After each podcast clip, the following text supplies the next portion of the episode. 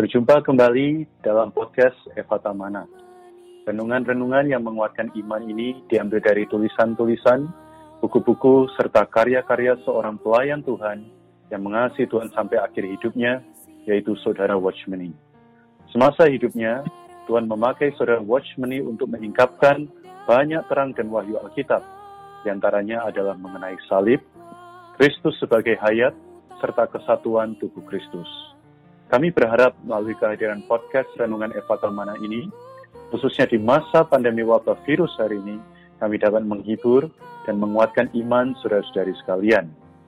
Anda dapat menghubungi kami pada nomor hotline Eva Tamana di 0851 5677 2397.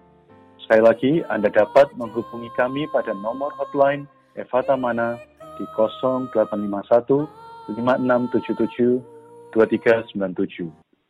Buku-buku karya Watchmeni secara lengkap dapat Anda peroleh melalui website jasprint.com ataupun melalui Play Store di handphone Android Anda.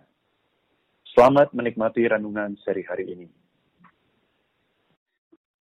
Shalom, rekan-rekan pendengar podcast Eva Tamana. Puji Tuhan, berjumpa lagi dengan kami di sini. Hari ini saya ditemani oleh rekan saya, Saudara Haris, uh, bagaimana seminggu ini Tuhan menjaga kita. Mungkin Haris boleh ceritakan sedikit pengalamannya. Ya, uh, kita tetap bersyukur pada Tuhan.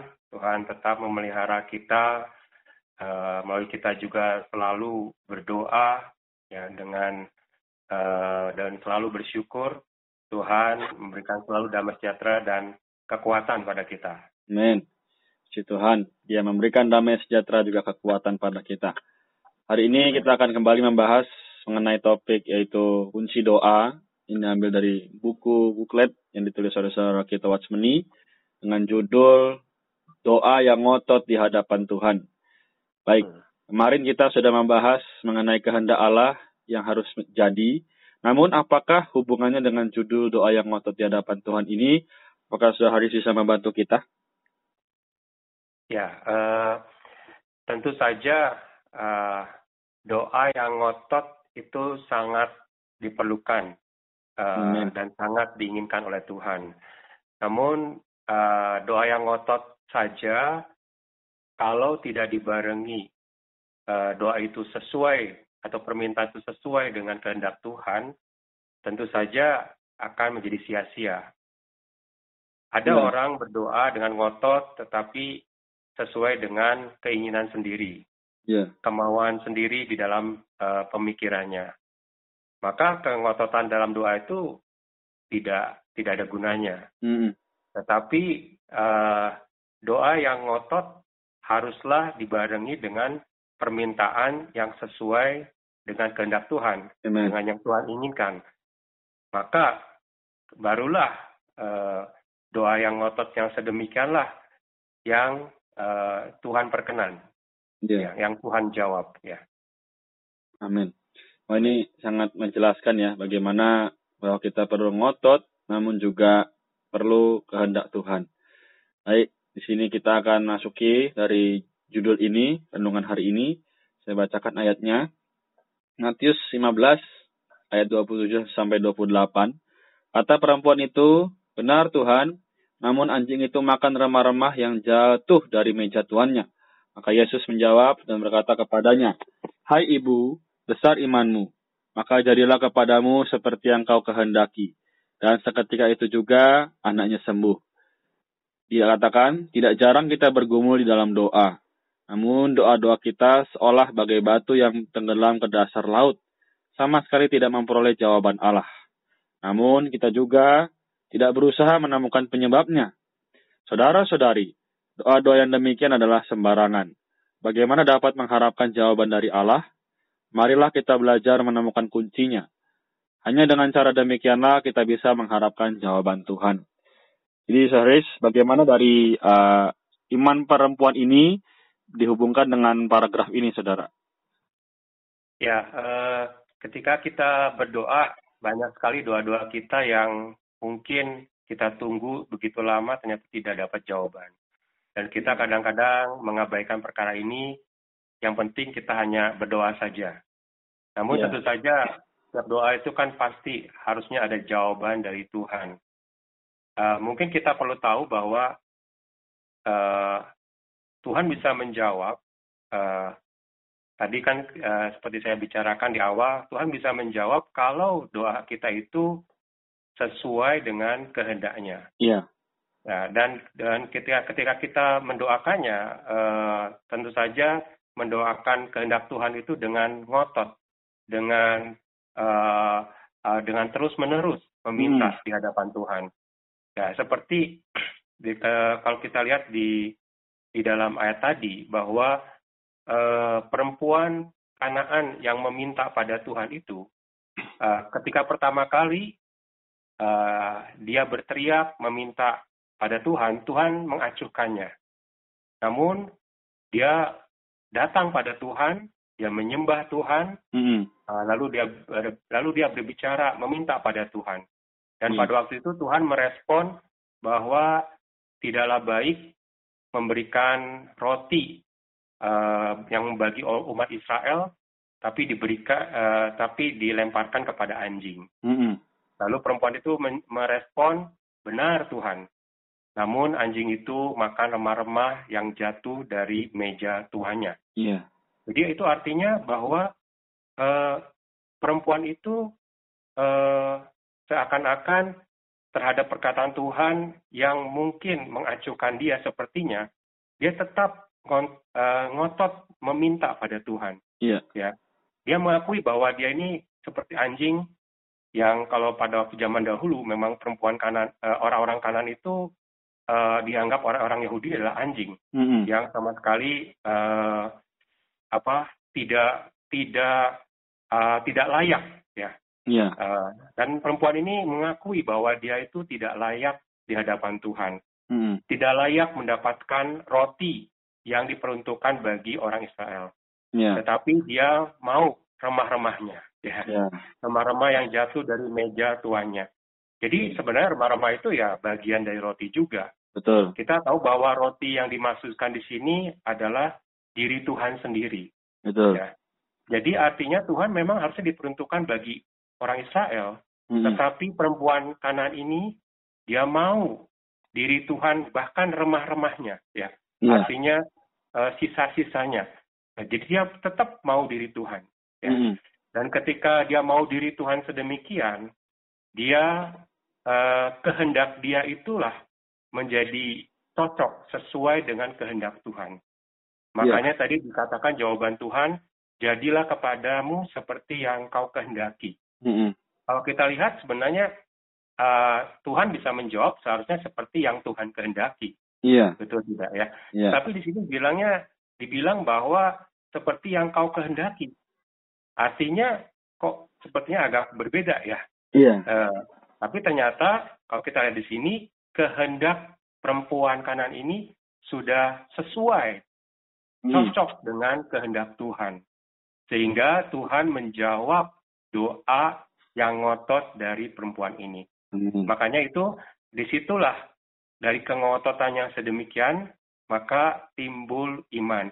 Kalau hmm. kita lihat sebenarnya besarnya iman dari perempuan ini bukan karena perempuan kanan ini sudah punya iman yang besar, yeah. tetapi uh, dia kalau kita lihat kuncinya di sini adalah dia itu merespon hmm. apa yang Tuhan bicarakan, hmm. yaitu mengenai roti yang tidak baik kalau di, diberikan kepada anjing. Hmm. Dan dia mengakui bahwa dirinya ini adalah anjing yang tidak berguna, yang tidak hmm. layak. Dia juga uh, dia juga merespon bahwa dia tetap mau remah-remah yang melambangkan diri Tuhan sendiri. Hmm. Dan begitu demikian, maka uh, apa yang perempuan ini uh, minta itu sesuai dengan kehendak Tuhan. Amin. Sehingga anaknya bisa sembuh. Jadi kalau kita lihat di sini, yang penting di sini adalah iman itu timbul dari pendengaran akan firman Tuhan. Iya. Jadi ketika kita mendengar firman Tuhan, dia uh, kita mendoakannya kembali menjadi doa kita, maka firman itu um, menjadi respon terhadap uh, respon di dalam doa kita pada Tuhan akibatnya anak itulah maka Tuhan bisa menjawab doa kita. Amin. Amin. Si Tuhan. Wah, sangat memberkati, sangat juga menerangi kita semua, saudari. Kita lanjutkan sedikit. Mari kita ingat beberapa hal. Sewaktu kita berdoa, janganlah kita terpengaruh dan diatur oleh keadaan sekitar. Janganlah kita diatur oleh pikiran dan emosi kita. Perhatikanlah suara yang ada di dalam batin kita. Ketika suara di dalam lubuk mengajak kita berdoa, ketika di dalam lubuk kita merasa bahwa kita harus berdoa, tanggapilah segera, berdoalah. Keadaan kita hanyalah sarana yang mendorong kita masuk ke hadirat Allah untuk bertanya kepadanya. Keadaan sekitar kita tidak patut menjadi tuan yang bisa menghalangi doa-doa kita. Pikiran kita hanyalah berfungsi untuk menjelaskan apa-apa yang ada di dalam batin kita, agar kita dapat dengan perkataan mengutarakan doa ia bukan sumber doa kita. Jadi, bagaimana cara kita supaya tidak terpengaruh oleh situasi dan kondisi sekitar, saudara? Ya, uh, kita berdoa uh, adalah berdoa yang uh, sesuai dengan apa yang Tuhan inginkan dan kita minta dengan ngotot ya. Nah, uh, kalau hari ini kita terpengaruh doa kita terpengaruh oleh keadaan sekitar, atau doa kita terpengaruh diatur oleh keinginan-keinginan dalam pikiran ataupun emosi kita, maka tentu saja doa itu tidak tidak sesuai dengan apa yang Tuhan kehendaki. Mm-hmm. Ya, makanya tadi dikatakan kita harus memperhatikan suara dari lubuk batin kita yang terdalam. Yeah. Ya, di dalam sebenarnya di dalam Yohanes pasal 7 juga pernah mengatakan bahwa dari bagianmu yang terdalam akan mengalir sungai-sungai air hidup. Ya. Artinya apa? Artinya bahwa e, kita harus mengenal Tuhan itu hari ini berada di mana, mm-hmm. yaitu berada di dalam bagian yang terdalam dari kita, yaitu roh kita. Ya, bukan di dalam pikiran, bukan di dalam emosi, ya.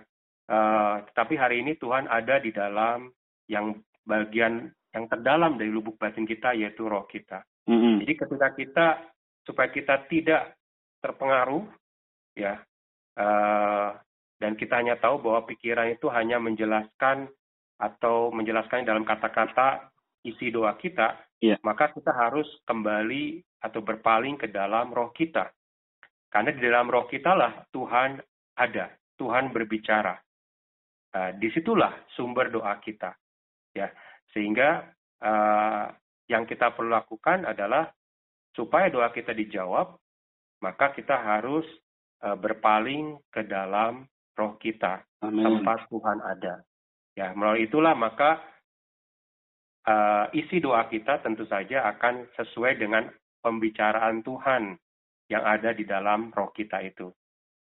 Hmm. Ya, betul. Amin. Si Tuhan, Uh, jadi memang segala sesuatu tidak bisa seharusnya mempengaruhi situ apa doa kita ya saudara ya.